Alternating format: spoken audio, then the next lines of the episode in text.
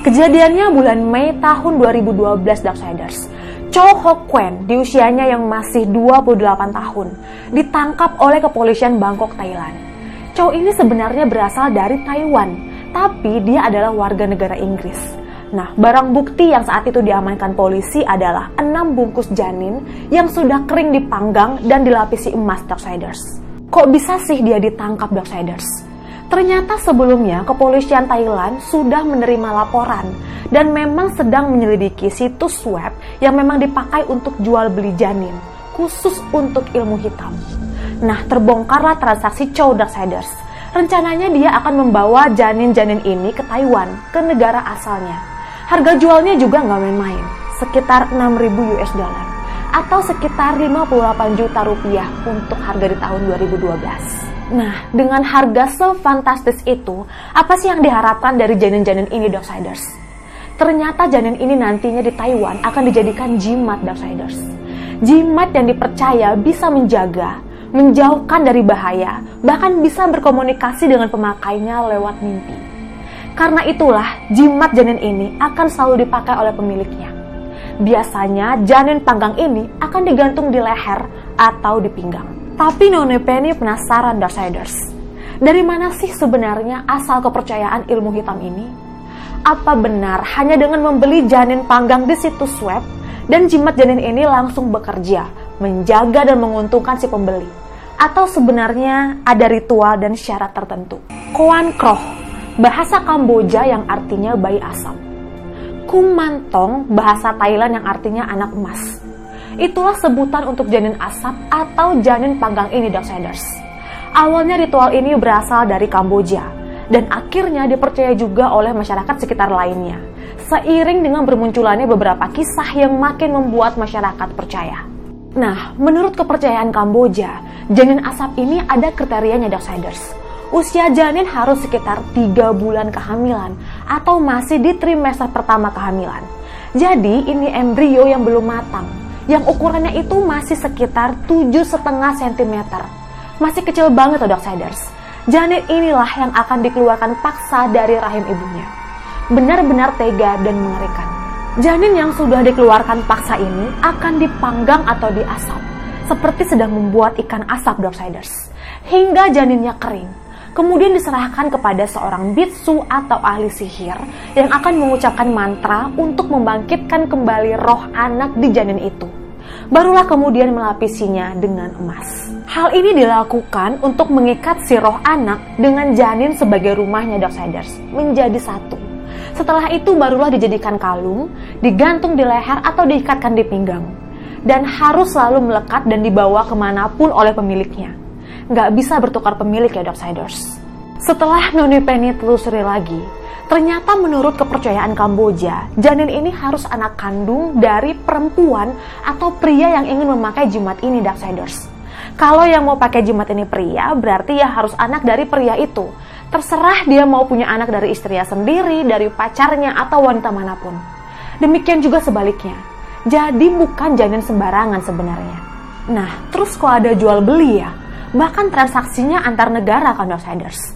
Ini kemungkinan besar disebabkan karena kabar tentang jimat janin ini sudah diadaptasi atau sudah bercampur dengan keyakinan negara dan wilayah setempat.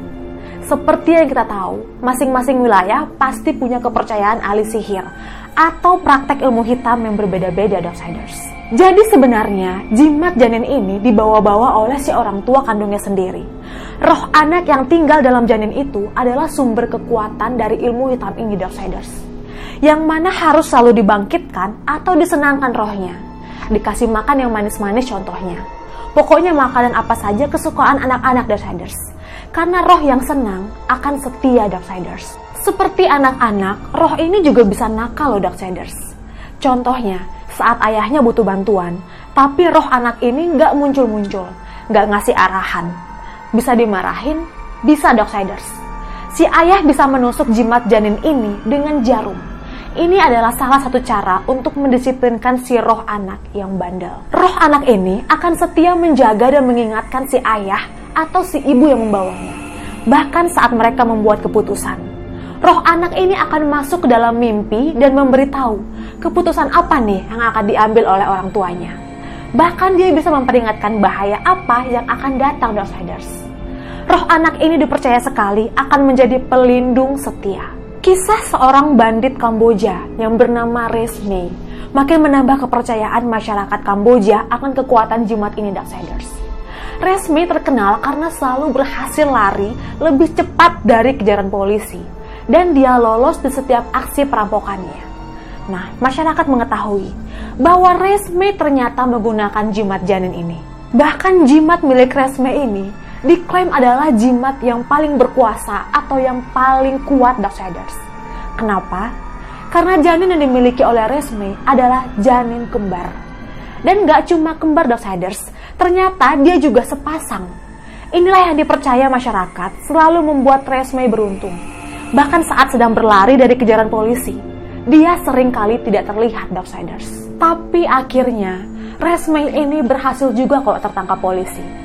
Karena kekuatannya hilang dan dia nggak dapat peringatan dari jimat janin Darksiders. Ternyata tanpa dia sadari, jimat janin andalannya yang terkenal itu telah dicuri di malam sebelum dia melakukan aksi perampokannya. Dan gak tanggung-tanggung, Resme meninggal menggenaskan Darksiders ditembak mati oleh polisi karena dia selalu berusaha untuk melakukan perlawanan. Mungkin dia mengira walaupun jimatnya udah nggak dia bawa, tapi roh anak itu tetap setia Darksiders. Tapi ternyata enggak. Karena janin itu adalah rumah si roh anak, jadi memang harus melekat di badan si pemiliknya. Sebagian kecil masyarakat Kamboja juga masih percaya bahwa nggak semua janin ditakdirkan untuk mereka lahirkan hidup Darksiders ada juga janin atau calon bayi mereka yang dikirim dari surga memang untuk melayani mereka. Jadi janin-janin itu memang ditakdirkan untuk tidak dilahirkan hidup-hidup. Mengerikan Darksiders. Kepercayaan ini membuat satu pria muda tertangkap di Kamboja karena dia mencoba memotong janin pacarnya yang sedang hamil Darksiders.